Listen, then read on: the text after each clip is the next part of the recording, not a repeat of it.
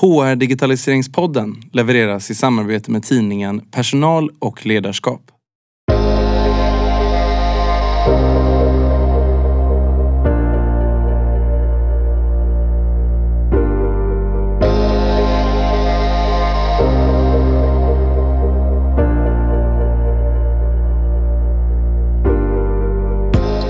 Jan Gulliksen, som kallas Gulan, är professor på KTH i människa-datorinteraktion och sitter bland annat med i regeringens digitaliseringsråd och även exempelvis insynsrådet för Arbetsmiljöverket och på många andra platser. Och på det sättet hjälper Gulan till i att utveckla vårt samhälle med fokus på människa och datorinteraktion. Gulan ger oss perspektiv på det som han kallar det nya, nya normala, det vill säga hybridvärlden att vissa kommer att arbeta på kontor och andra hemma. Han tror med säkerhet att det kommer vara den värld vi kommer att leva och arbeta i. Det som jag tycker är mest intressant i avsnittet är hans beskrivning av den digitala arbetsmiljön och hur vi framöver behöver göra våra arbetsmiljöronder även på den digitala miljön. Vi avslutar med ett annat projekt som Gulan jobbar på som handlar om att ta hänsyn till människor med kognitiva hinder när man utvecklar och implementerar digitala lösningar. Det här avsnittet sponsras av Personio. Personio är ett HR-system utvecklat för små och medelstora företag med mellan 10 och 2000 anställda. Personios uppdrag är att göra HR-processer så tydliga och effektiva som möjligt så att du som jobbar på HR kan fokusera på det som är viktigast, människorna. Personio erbjuder en heltäckande HR-programvara som omfattar hela medarbetarens livscykel i företaget. Det betyder bland annat onboarding, personaldata, rekrytering och lönehantering så att ert HR-team kan arbeta i ett bredare HR-fokus. Tack vare automatisering av arbetsflöden hjälper Personio fler än 5 000 kunder i Europa att få bort fördröjningar och kan på ett enkelt sätt genomföra sina affärskritiska aktiviteter inom rekrytering, utveckling och hanteringen av sin personal. Om du vill veta mer om hur ditt företag kan växa med Personio, Europas högst värderade HR-techbolag, gå till personio.com och boka en demo.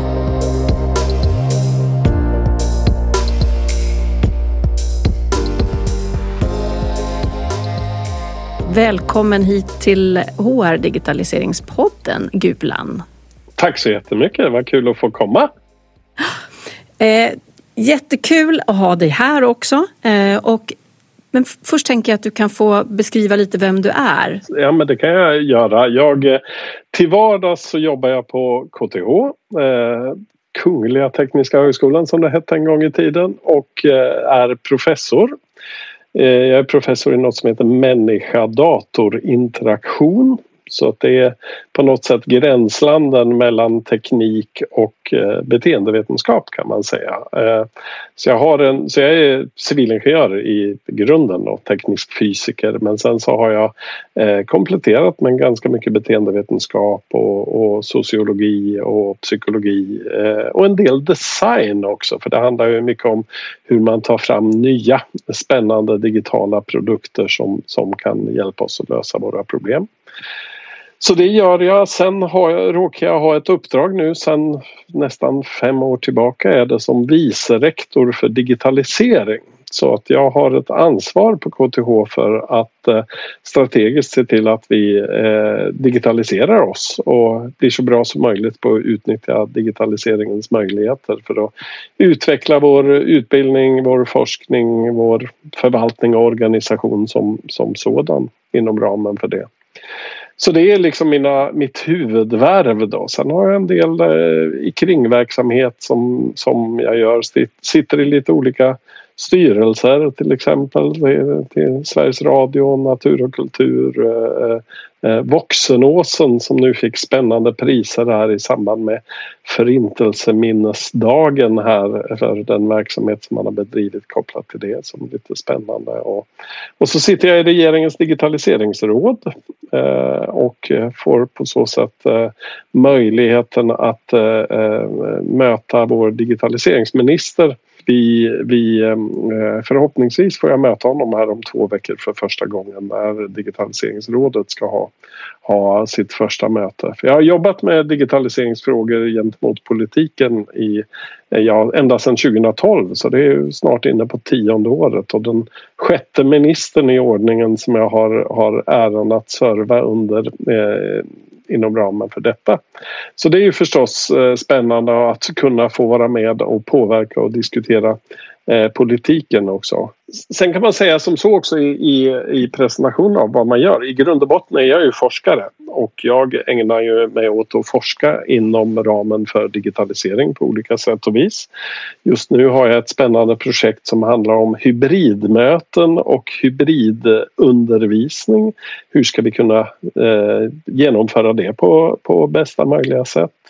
Jag har eh, flera projekt som kopplar till IT för person, personer med funktionshinder. Hur ska man kunna eh, eh, dra nytta av eh, ny teknik för att hjälpa en på bästa möjliga sätt att, att eh, förbättra situationerna där. Sen har jag flera eh, projekt också som kopplar till det här med digital arbetsmiljö. Vad är det för någonting och hur kan vi förbättra vår digitala arbetsmiljö och, och genomfört sådana digitala skyddsronder och på så sätt eh, inspekterat eh, arbetsmiljöerna utifrån det digitala perspektivet. Så att, eh, sådana saker är väldigt spännande att hålla på med och väldigt givande för egentligen alla mina andra uppdrag också. Och jag tänker att det är ju de här projekten, precis som du nämner, som jag har tänkt att vi ska kunna prata lite grann om. Eh, mm. vad, du, vad, vad, ni hittar för något, eller vad du hittar. Jobbar du själv eller jobbar du i i grupp med flera? Är ni fler som går in på de olika områdena? Jag jobbar alltid ihop med flera personer. Idag är det som så att de allra flesta forskningsprojekt som man bedriver de är ofta stora och komplexa. Även om de är korta i tiden och kanske små till insatsen eh, beaktat så, så behöver man olika kompetenser in när man gör det här. Som till exempel när vi jobbar med hybridmöten eh, och hybridundervisning då, då är det jag tillsammans med en person som är lektor inom eh, lärande och pedagogik och en person som jobbar inom eh, visualisering och, och avancerade eh, grafiska mötesmiljöer som vi samarbetar inom. Så att man har den här typen av, av specifika eh, konstellationer för det vi vi, vi håller på med. Jag har ett annat projekt också som jag inte nämnde tidigare där vi håller på med virtual reality för att på så sätt försöka eh, lösa olika HR-problem. Där vi har använt eh, virtual reality för eh, att titta på eh, till exempel ärenden av trakasserier eller kränkande särbehandling och hur man kan använda den typen av miljöer för att utbilda folk inom ramen för det. Och, då samarbetar jag med personer som är organisationsvetare och, och personer som kan tekniken väldigt djupt i det hela. Då. Så jag är oftast den här bryggan då, så tvärvetare mm. som är som både får använda att jag kan springa emellan teknikforskningen och den beteendevetenskapliga forskningen och, och eh, väldigt ofta också då eftersom allt det vi gör är präglat av, av ett genuint inblandning av de som liksom är problemägarna så att jag jobbar väldigt användarcentrerat i alla sammanhang och det är väldigt centralt och viktigt för det jag gör. Och just det här med VR, nu ska vi inte prata om det idag, men det kan jag ju säga till de som lyssnar att där håller jag också på att sätta ihop ett avsnitt kring vad vi står kring lärande och VR här mm. senare. Men då hade jag inte tänkt ha med dig, men vi får Nej, se. du Nej, kanske ska vara med mycket, också. det finns mycket spännande att, att, att, prata om inom det också. Det kommer du säkert klippa bort då i det hela. Men vi har eh, projekt eh, som har jobbat med VR för fobiterapi till exempel. Hur vi kan eh, bota den typen av saker och, och sådär med, med hjälp av virtual reality. Så det är väldigt spännande. Men allting hänger ju ihop det här med hur man kan använda digitala tekniken och människan i samspel. Det, mm. det är där du, där du ägnar dig åt helt enkelt. Det är min domän, ja precis. Mm. Och att det ska bli så bra som möjligt har jag också förstått. Att det här samspelet. Men det är klart. Eh, mm. eh, det kan man säga. Jag, eh, jag, och det är jag ganska mån om att också framskjuta i där. Jag är en så kallad aktionsforskare. Så det betyder att jag är inte den där som står med vita rocken på mig och, och, och eh, blocket i handen och tittar på när saker går åt helskotta och noterar problemen och tycker här har vi spännande forskningsresultat. Utan som aktionsforskare så vill man vara med och driva förändring. Och så beforskar man den här förändringen samtidigt som man är mitt uppe i den själv. Vilket ju är extra utmanande då när man är, är forskare att, att eh, kunna göra det här på ett objektivt sätt när du själv är inne och vill och har aspirationer och förväntningar mm. på, på vad du ska göra i det där. Då. Men aktionsforskning är för mig en väldigt viktig liksom, eh, grundpelare i det här för då grundar man det i både att man själv vill saker och ting och har en agenda och tydliggör den agendan och så jobbar man med människor som medskapare i forskningen. Mm. Så, så eh, när jag, vi jobbar med personer med funktionsnedsättning så är det de personerna som, som är aktiva i, i forskningen också och hjälper oss att forska inom ramen för det här vilket ger jättespännande resultat till exempel. Men det tycker jag det är ju viktigt att dra fram att det inte bara forskning för eh, utifrån forskningen utan det är för att som sagt förändra någonting, skapa någonting bättre och där, därav också den här eh, digitaliseringsrådet och liknande. Att kunna vara mm. med och påverka och ge sin input eh, från det ni, ni hittar och upptäcker. Mm. Ja, jättespännande. Vet du, jag hittade, när jag satt och läste på så såg jag att i november 2019 då gjorde du ett blogginlägg. Okay. Kommer du ihåg det? Våga mötas mer digitalt. Ja, precis. Vagt kommer jag ihåg det. Mm, men berätta. Nej, det var lite intressant. Ja, för jag tänkte att vi skulle ju prata om det här med Eh, vad som har hänt och arbetsmiljön nu, den digitala arbetsmiljön, hybridmöten, allt det som, som påverkar oss och har hänt så otroligt mycket under de senaste två åren. Då tyckte jag det var lite intressant när jag tittade tillbaka vad du hade skrivit under perioden. Att mm. just precis innan pandemin kom så önskade du dig att vi skulle bli bättre på digitala möten och använda det mycket mer. Ja, du fick som du ville lite grann, fast kanske inte ja. att det är bra. Nej, men det kan man väl säga. Det är lite intressant att, att, eh, att göra den analysen i efterhand. Men när jag jag reflekterar över vad som hände där sluten 2019 och början av 2020 så var det ju som så att vi kunde konstatera att vi hade förskräckliga digitala mötesmiljöer eh, som vi ledningspersoner då hade access och tillgång till. Det var, det var de facto så att vi kunde inte starta ett digitalt möte utan att en av våra sekreterare som var djupt kunnig i systemet kom och sparkade igång det åt oss. Och och eh, jag fick till och med i uppdrag av prorektor då att jag skulle liksom försöka titta på om vi kunde införskaffa nya digitala miljöer som, som skulle kunna vara bättre i det här och jag försökte replikera att ja, men jag tycker kanske det handlar om att vi ska bli bättre på att lära oss att använda de miljöer vi har och kunna det själv. Och drömde om min förvåning när eh, tre månader senare när eh, vår rektor då fattade ett beslut om att nu så ska vi konvertera all vår verksamhet och bedriva den digitalt.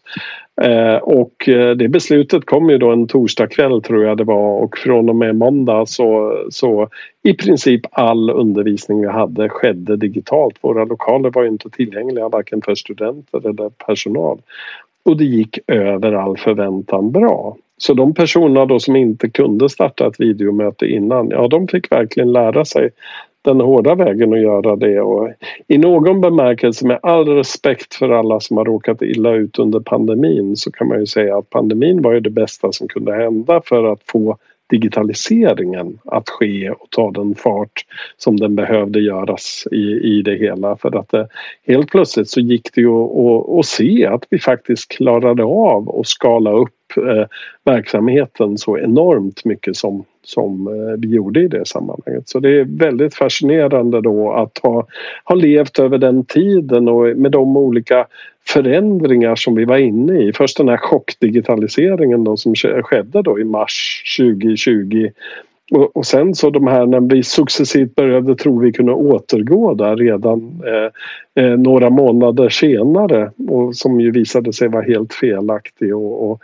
och sådär. Så att det var lite intressant då att, att försöka föra bok över vad som hände och, och, samla data över de här förändringarna som skedde och varför och försöka dra slutsatser om hur det kom sig att det blev på det sättet som det blev och vad det här pekar emot inför framtiden. Och vad pekar det emot nu? Eh, för nu är vi ju här i, nu spelar vi in det här i februari och ja. Eh, just det blev återgång. Vi skulle tillbaks till kontoret och nu är vi inte det. Så vad pekar ja, det emot? Jag, om jag får till, tillåta mig att om jag får tillåta mig att eh, liksom eh, berätta lite om de här olika stegen vi gick igenom för jag tycker det är så otroligt intressant. Då, för Eh, mars 2020 där när helt plötsligt vi, vi eh, chockartat snabbt digitaliserade allting så det gick ju över all förväntan bra får man ju säga. Att, eh, eh KTHs Zoom-användare gick upp med en faktor 150 bara på några veckor eh, där och det fungerade. Man klarade av de kapacitetshöjningarna utan att det blev massa systemkrascher och förändringar och, och, och sådär. Och givetvis på grund av att en massa personal gjorde ett fantastiskt bra jobb i detta. Och eh, pedagogiskt också så funkade det hyfsat bra att de här föreläsningarna som vi hade hållit i stor sal framför många människor det var inte så stor förändring att hålla den digitalt då framför eh, personer. Tyvärr började folk stänga av sina kameror så att eh, ofta så höll man de här föreläsningarna då inför en massa svarta rutor istället vilket ju kanske då kräver lite extra energi av en föreläsare för att man ska uppbåda eh, liksom energi och esprit och entusiasm för att kunna motivera de andra. Men, men på det hela taget så gick det över all förväntan bra. Och, och, kanske särskilt då det som man tycker är den allra största utmaningen i högre utbildning nämligen examination. Liksom, hur ska vi tenta digitalt? Till och med det gick hyfsat bra att eh, kunna digitalisera Eh, och eh, det betyder inte bara att du tar din normala papperstenta som du gick i en, en sal och skrev och, och, eh, gör den digitalt utan du kanske faktiskt också fundera igenom att jag kanske måste ställa frågorna på ett annat sätt och, och, jag kanske måste ha andra mekanismer för att kunna bedöma det här. Jag måste kanske ha andra system för att bevaka att det här blir rättssäkert och så vidare. Och för egen del då så var det lite intressant för jag hade nästan ingen undervisning under den här perioden som det här skedde utan jag som ledningsperson då så har man ju mycket möten. Och jag, jag, kunde ju då notera något otroligt spännande där i mars-april 2020. Det var att jag brukar dela in min arbetstid i tre lika stora delar. Eh, den första tredjedelen det var möten som rakt upp och ner då flyttade in i Zoom eller Teams eller vad det var för verktyg man ville använda sig av. Men det lustiga var att många av de här mötena de blev också förkortade alltså heldags styrelsemöten så säger man vi kan inte träffas en hel dag på Zoom, det funkar inte. Så vi gör mötet på tre timmar istället. Men agendan var fortfarande likadan i, i detta så att på något sätt så ja, vi blev lite effektivare där i det, i det då. Den andra tredjedelen det var möten som man sa det här mötet det är så viktigt att vi har fysiskt. Så vi skjuter på det till efter pandemin och, och Trump har ju sagt att den ska vara över efter påsk här så att då, då, då eh, kan vi ta mötet då och tro att det fungerar. Och den sista tredjedelen som är nästan den mest intressanta det var möten som man bara ställde in. Och, och då börjar man undra varför hade vi mötet överhuvudtaget om det inte var viktigare än att man ställde in den när pandemin kom. Så helt plötsligt så fick jag mycket mer tid för att göra eh, kanske det som är viktigt i mitt arbete. Och jag, jag, kunde till exempel se på, om jag tar den största vetenskapliga konferensen i mitt eh, område i närmiljö som, som jag är ganska engagerad i så kunde jag ju se att helt plötsligt i, i slutet på april 2020 så fick vi fler inskickade bidrag, 50% fler inskickade bidrag än någonsin tidigare i historien. Så uppenbarligen så var det många forskare som fick liksom mer tid för att kunna göra det som är det riktigt viktiga kvalitativa arbetet som man höll på med. Och, men det var början på pandemin för sen hände ju saker och ting. Så småningom så, så märker vi ju då framåt slutet på sommaren och september där hur folks kalendrar blev smockfulla. Eh, man hade möten 8 till 6 eh, eh, utan egentligen så särskilt mycket paus i detta heller. Folk till och med kom på mekanismer för att stänga av kameran och mikrofonen så att de kunde gå på toaletten samtidigt som man hade möten och sådana här saker. Och, och så börjar folk bli lite desperata för det kan inte vara meningen med livet att jag ska sitta i möten här mellan 8 och 6 och även över lunchen varje dag. Sekreterarna bokade in mer och mer så det kom, då kom det nya riktlinjer som sa att eh, vi ska ha kortare möten. Så, så gärna att mötena börjar då eh, eh, en, eh, en fem minuter senare än vad de normalt ska och slutar tio minuter tidigare. Men det var ju sån press på möten så helt plötsligt så började man ju boka upp de där pauserna som blev emellan också. Så det blev fler möten och det blev omöjligt att få tag på folk på telefon för att eh, eh alla satt ju bara i, i Zoom och Teams-möten hela tiden. Så det blev helt olidligt då tyckte många.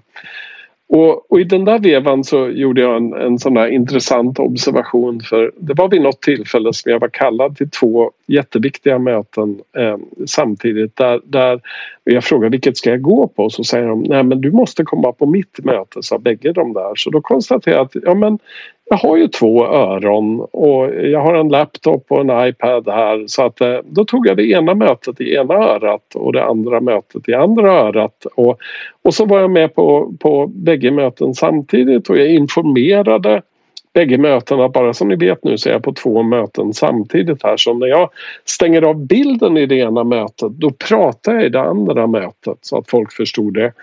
Och det funkade ju över all förväntan bra förvånansvärt nog. Och jag har ju frågat och intervjuat de personer jag hade möten med och de tyckte jag var, jag var lika aktiv som jag brukade vara i bägge mötena. Och jag kunde till och med ta information från det ena mötet in i det andra mötet så i någon bemärkelse så blev det mera effektivt då, då för verksamheten. Och när jag då berättar det här för mina kollegor då så, så säger, säger de ju så här att, att eh, men Gulan snälla någon du kan ju inte mena att vi nu ska börja sitta i flera möten samtidigt. Nej, säger jag, det är inte det jag menar utan jag börjar snarare ställa den kritiska frågan vad har vi för möten när det är på ett sådant sätt att jag kan vara med på flera möten samtidigt. Då är väl förmodligen inte mötet så särskilt bra strukturerat eller organiserat när det ser ut på det sättet. Så jag tror egentligen att, att min prediktion för framtiden är att vi måste liksom hitta mekanismer där vi där vi stökar undan en hel del av de möten som inte har något meningsfullt att, att eh, tillföra. Att vi gör mötena kortare och effektivare och faktiskt bara diskuterar de punkter som vi behöver diskutera. Och att vi bara har de personer med på mötet som verkligen behöver vara med för att vi ska kunna fatta de beslut vi behöver göra.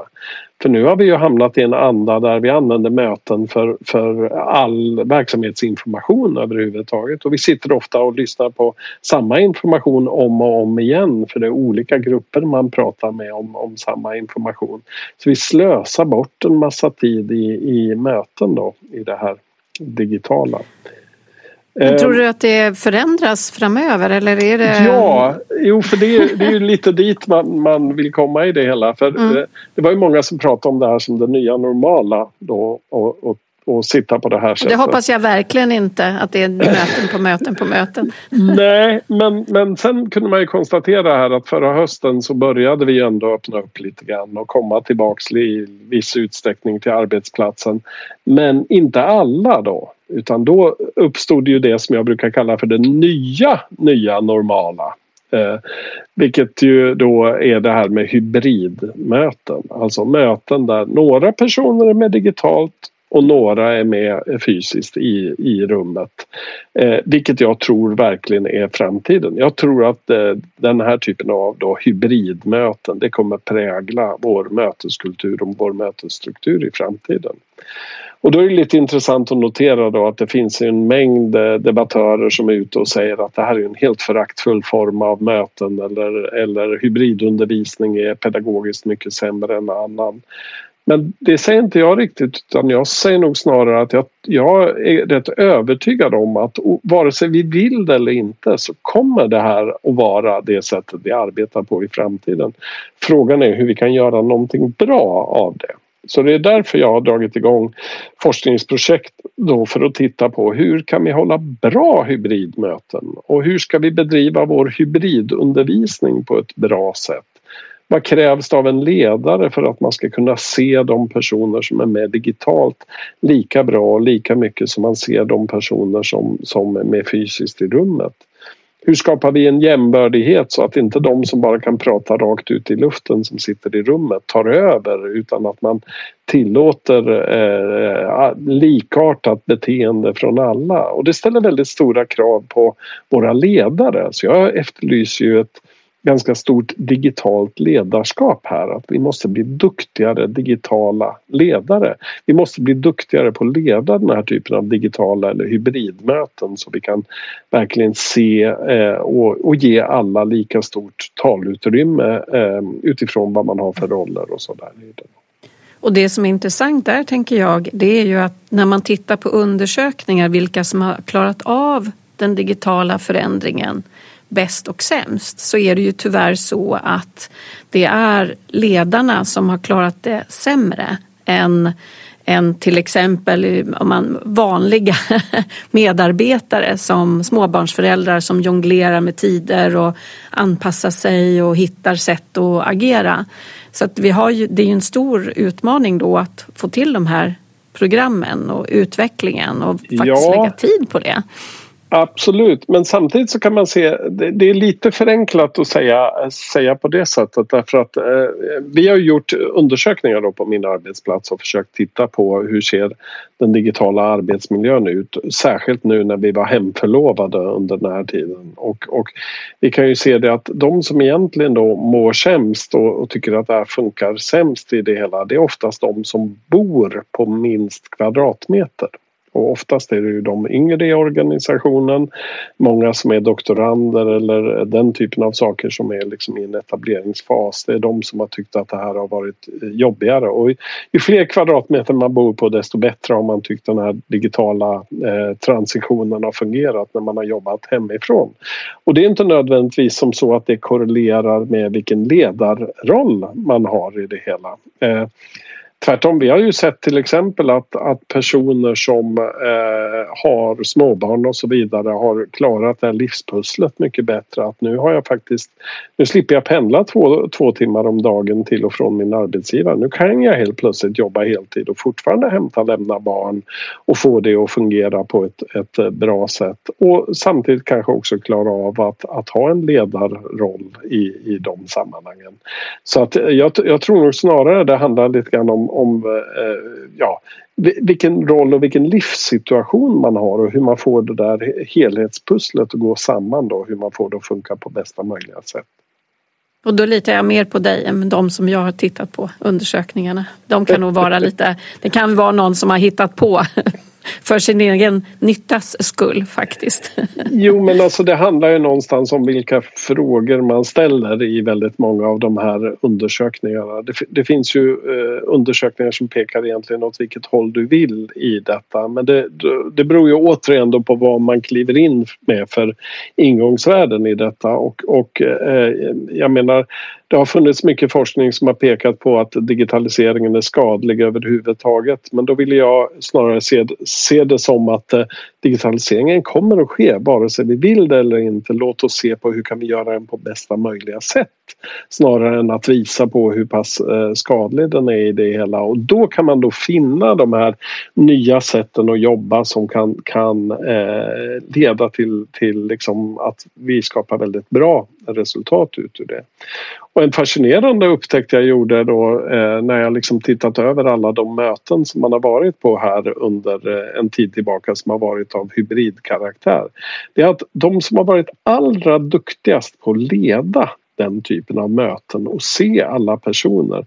Ja, det har oftast varit de i vår organisation som har varit studenter. Alltså de unga som på något sätt har varit mer vana och förtrogna med ett digitalt arbetssätt redan från början och, och anammat och, och godtagit detta medan kanske en del av, av dem i, i vår generation mera har velat vara lite motståndare mot det här sättet och, och vara och sökt efter då, eh, argument och resultat som, som förstärker den bild man vill ha av att det här inte är ett bra sätt att arbeta.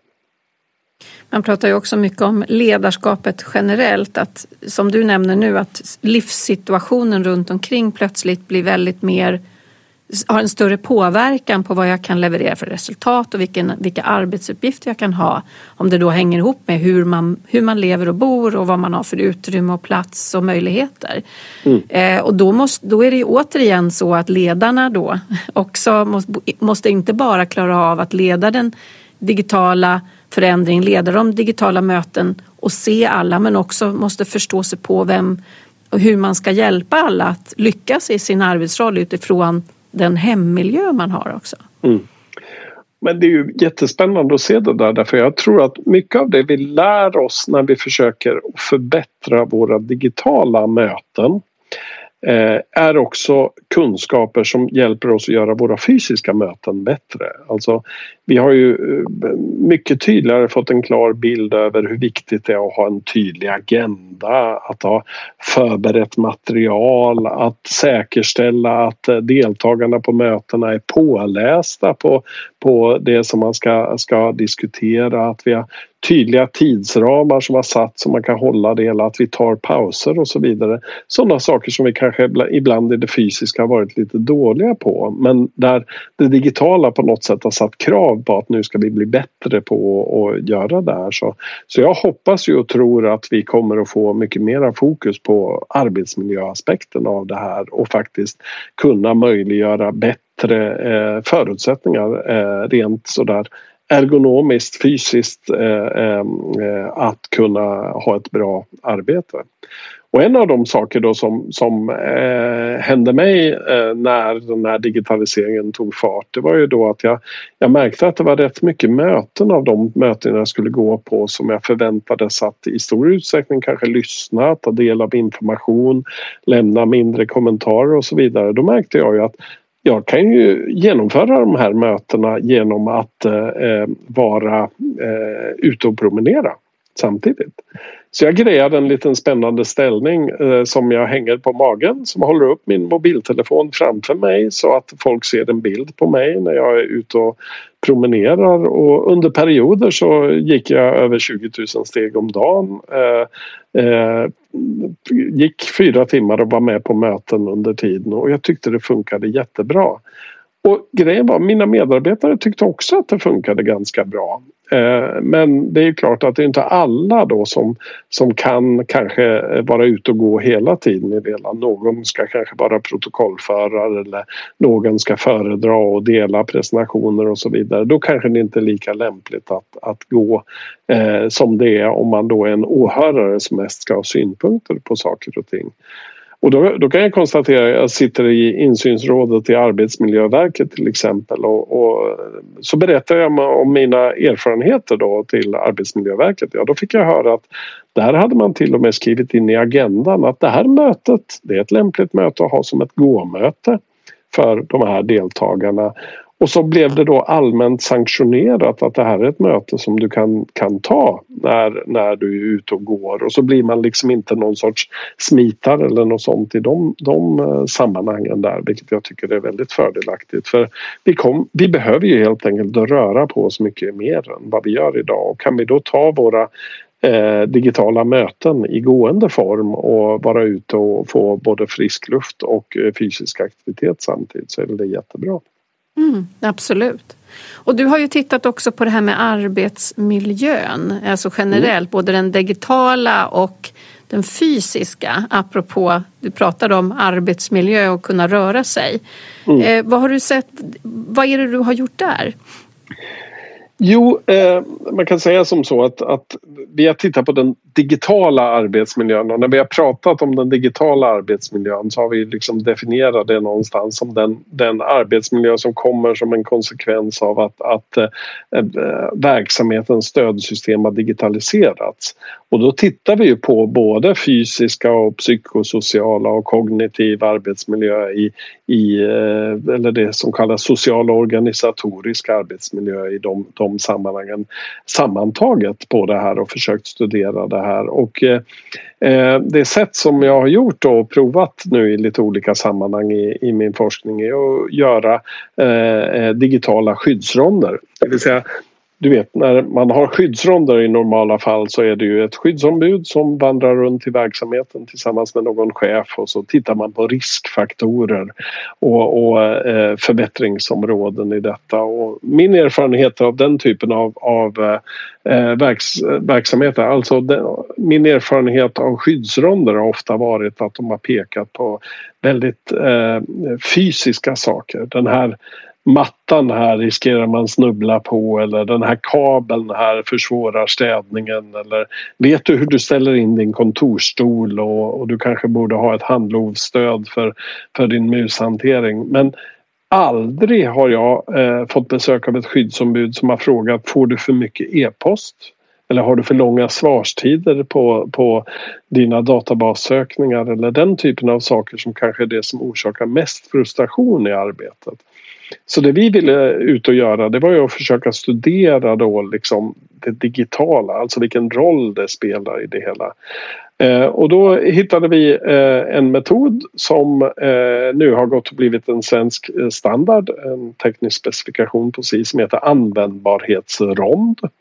Som är alltså en metodik då för att, att göra den här typen av arbetsplatsbesök där man då försöker då beakta alla de här faktorerna, beakta den digitala arbetsmiljön sammantaget. Eh, och så protokollför vi de sakerna som är där och så går man vidare och försöker prioritera vad är de viktigaste fynden man gör i verksamheten och, och så arbetar man fram ändringsförslag och gör ansvariga för att göra de här förändringarna. För precis som på vanliga skyddsronder så handlar det om att identifiera risker och sen så då kunna också ha ett åtgärdsprogram som gör att man tar hand om och eliminerar de risker man har i det.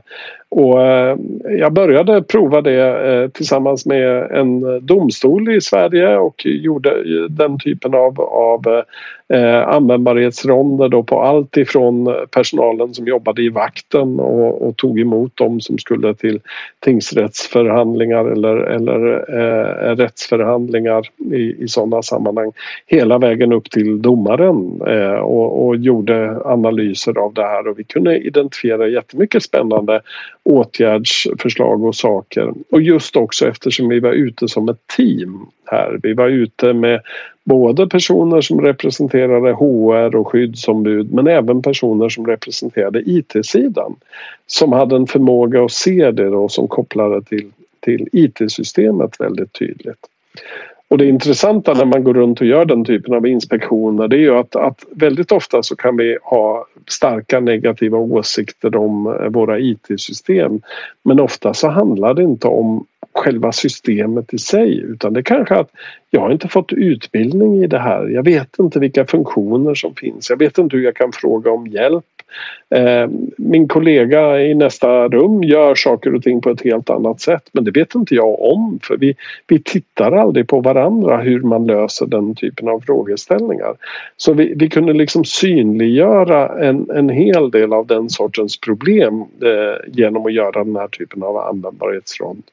Och i slutet av, av eh, förra året här så gjorde vi den här typen av eh, användbarhetsronder eh, på KTH också på min egen arbetsplats och, och tittade på några i ett pilotförsök och det föll så väl ut. Så nu så ska vi under det här året och jobba med att det ska bli en del av det systematiska arbetsmiljöarbetet i vår organisation och så ska vi försöka och, och eh, mer tydligt specifikt arbeta med att, att eh, kartlägga och identifiera risker och åtgärda eh, det här då. Och, och intressant nog är också att eh, man, man ser eh, den digitala arbetsmiljön, när man tittar på den så tittar man inte på ett system i taget utan man tittar på den här helheten.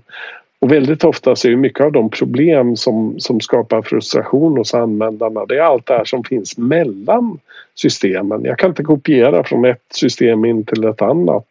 Eh, på ett enkelt sätt eller jag måste logga in och logga ut igen för att kunna göra den här typen av saker. Sådana saker som man inte ser om man bara tittar på, på ett system åt gången så att säga.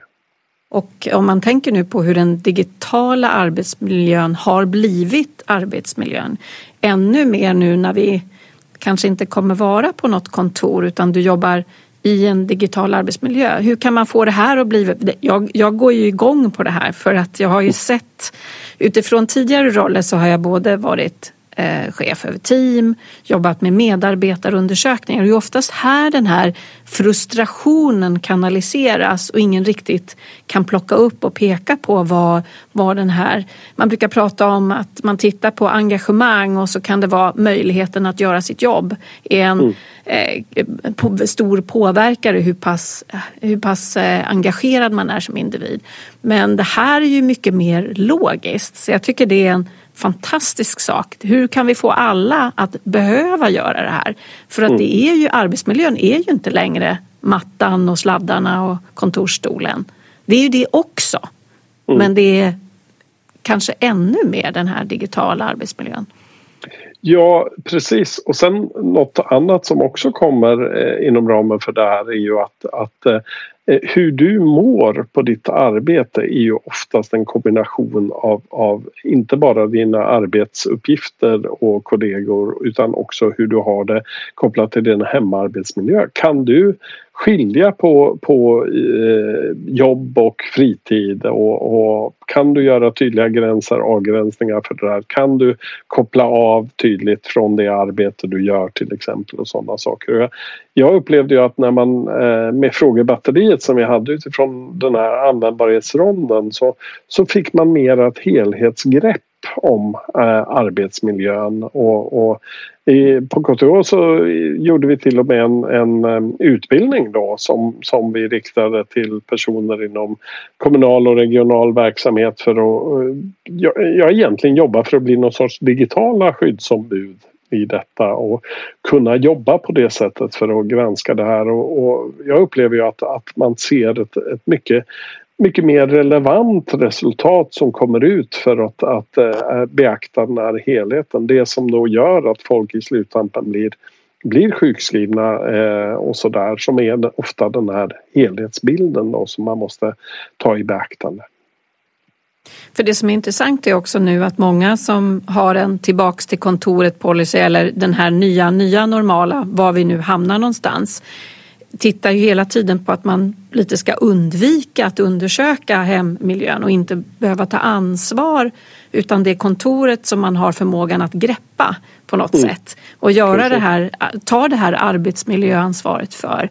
Men jag tror det är dags redan nu att tänka på hur hur man ska ta helhetsansvaret. Sen finns ja. det ju här med försäkringar och skatteregler och en massa sådana saker men arbetsmiljön, där är det ju det här med helhet. Så låter superbra. Vi, mm. vi gjorde faktiskt också en undersökning eh, då på min arbetsplats eh, när vi försökte titta på hur folk upplevde hemarbetsmiljön och så frågade vi ju då hur många dagar i veckan vill du i framtiden då arbeta hemifrån och, och snittet hamnar ju någonstans där mellan två och tre dagar i veckan skulle man även i framtiden, alltså efter pandemin vilja kunna fortsätta sitta hemma.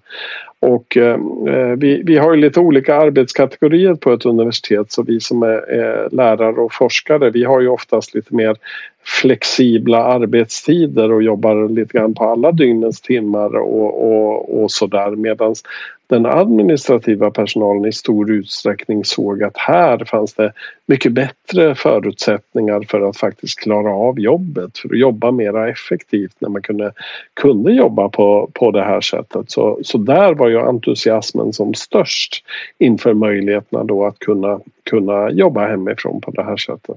Sen gjorde vi också, vilket jag tycker var så superintressant, vi, vi eh, bad folk eh, om, om de eh, hade lust att skicka in fotografier av hur ser din eh, hemarbetsmiljö ut?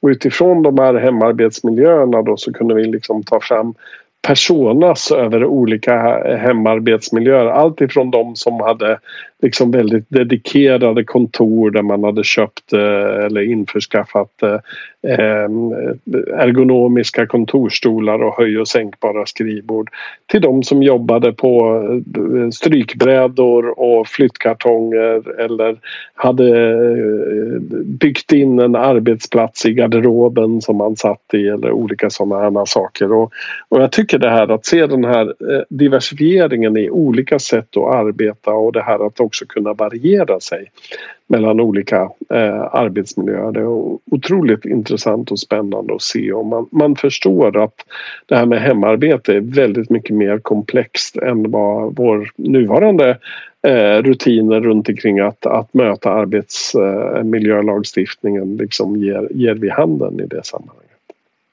Och egentligen så är det ju inte bara den lagstiftningen, det finns mycket annan lagstiftning som också halkar efter lite grann vad vi pratar om. Ja, men det ska vi inte ge oss in på nu kanske. Ja, det har jag det med AI, också, data, sådär, men, ja, men ja. det kanske vi inte ska täcka in nu. men jag har en fråga kring, eh, för du nämnde också i början det här med eh, att man utvecklar system utifrån kognitiva hinder och möjligheter och vad man har. Hur, mm. hur pass tittar man på det? För nu om vi flyttar alla och gör allting digitalt, det finns ju också människor som har svårare att hantera det här. Hur ser det ut? Precis. Alltså vi har ju eh, upp genom åren tittat ganska mycket på hur vi kan förbättra för personer med funktionsnedsättning till exempel. Att kunna använda tekniken och eh, jag tror att det är ganska uppenbart för många hur vi kan göra saker och ting bättre för personer med synskador eller hörselskador som är kanske de, de eh, funktions funktionsnedsättningar som är vanligast att man ser. Men när vi tittar på i vår verksamhet hur, hur det ser ut så kan vi konstatera att den, en av de vanligaste eh, funktionsnedsättningarna är ju de kognitiva funktionsnedsättningarna. Alltså personer som, som eh, har eh, ADHD eller som är dyslektiker eller eh, på olika sätt och vis då, då har eh, aspekter där det finns faktorer i arbetslivet som stör Eh, som, som förhindrar en från att kunna utnyttja sina förmågor på bästa möjliga sätt för att kunna genomföra sitt arbete. Eh, så där har vi försökt att liksom identifiera det och jobba med på olika sätt och vis. Hur kan vi förbättra eh, situationen, förutsättningarna för dem och också dels försöka kartlägga och förstå vad är det för problem och utmaningar man upplever och kartlägga vad är det för eh, eh, hjälpmedel man har tagit i bruk för att kunna Eh, klara av att jobba eh, på ett bättre sätt och bygga den här förståelsen över hur det ser ut.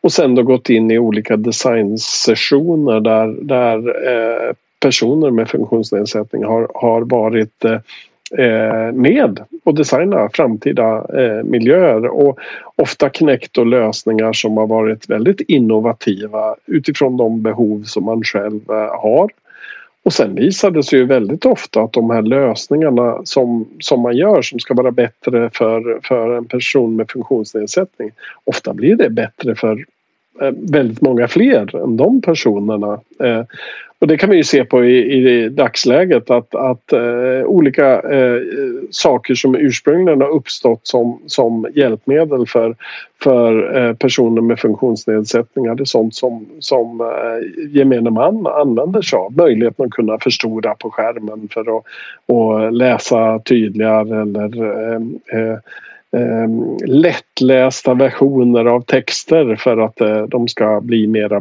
begripliga då och använda mer klarspråk i det hela det är ju ingen som vill ha de svårlästa texterna då när de lättlästa finns i det. Så att vi, vi hittar liksom lösningar som så att säga underlättar för alla. Och det där tror jag vi kommer se i takt med här att vi, vi mer och mer bygger förståelsen för hur personer med kognitiva funktionsnedsättningar upplever miljöerna och hur vi kan göra saker och ting bättre för dem så kommer vi hitta redskap som också gör det bättre för, för folk i gemen i mycket större utsträckning. Det gäller ju också att ha med då när man designar system och olika ja, appar och liknande att hela tiden ha med den kompetensen i det man gör.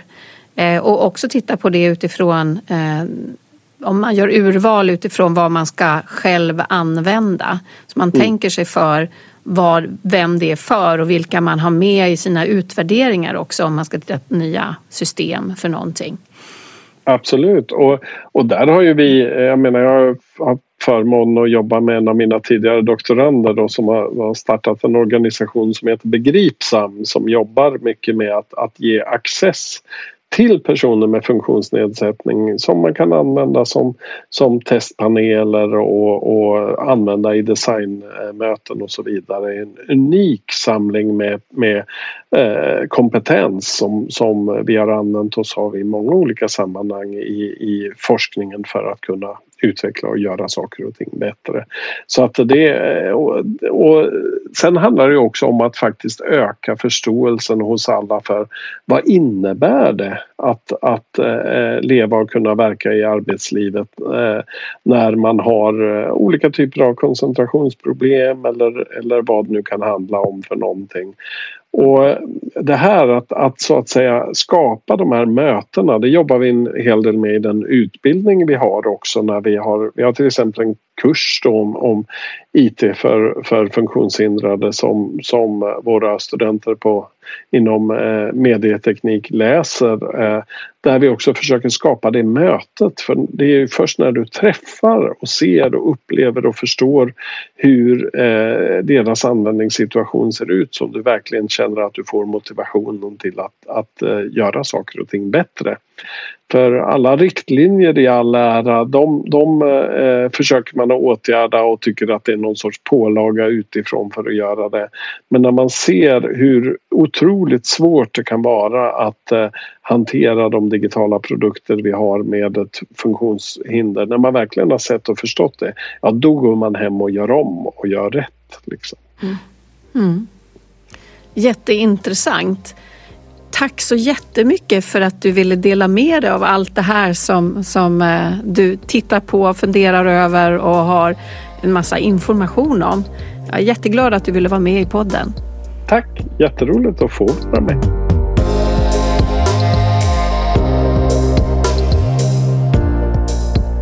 Tack för att just du har lyssnat. Podden levereras av HR Digitaliseringsgruppen och jag som pratar heter Anna Karlsson.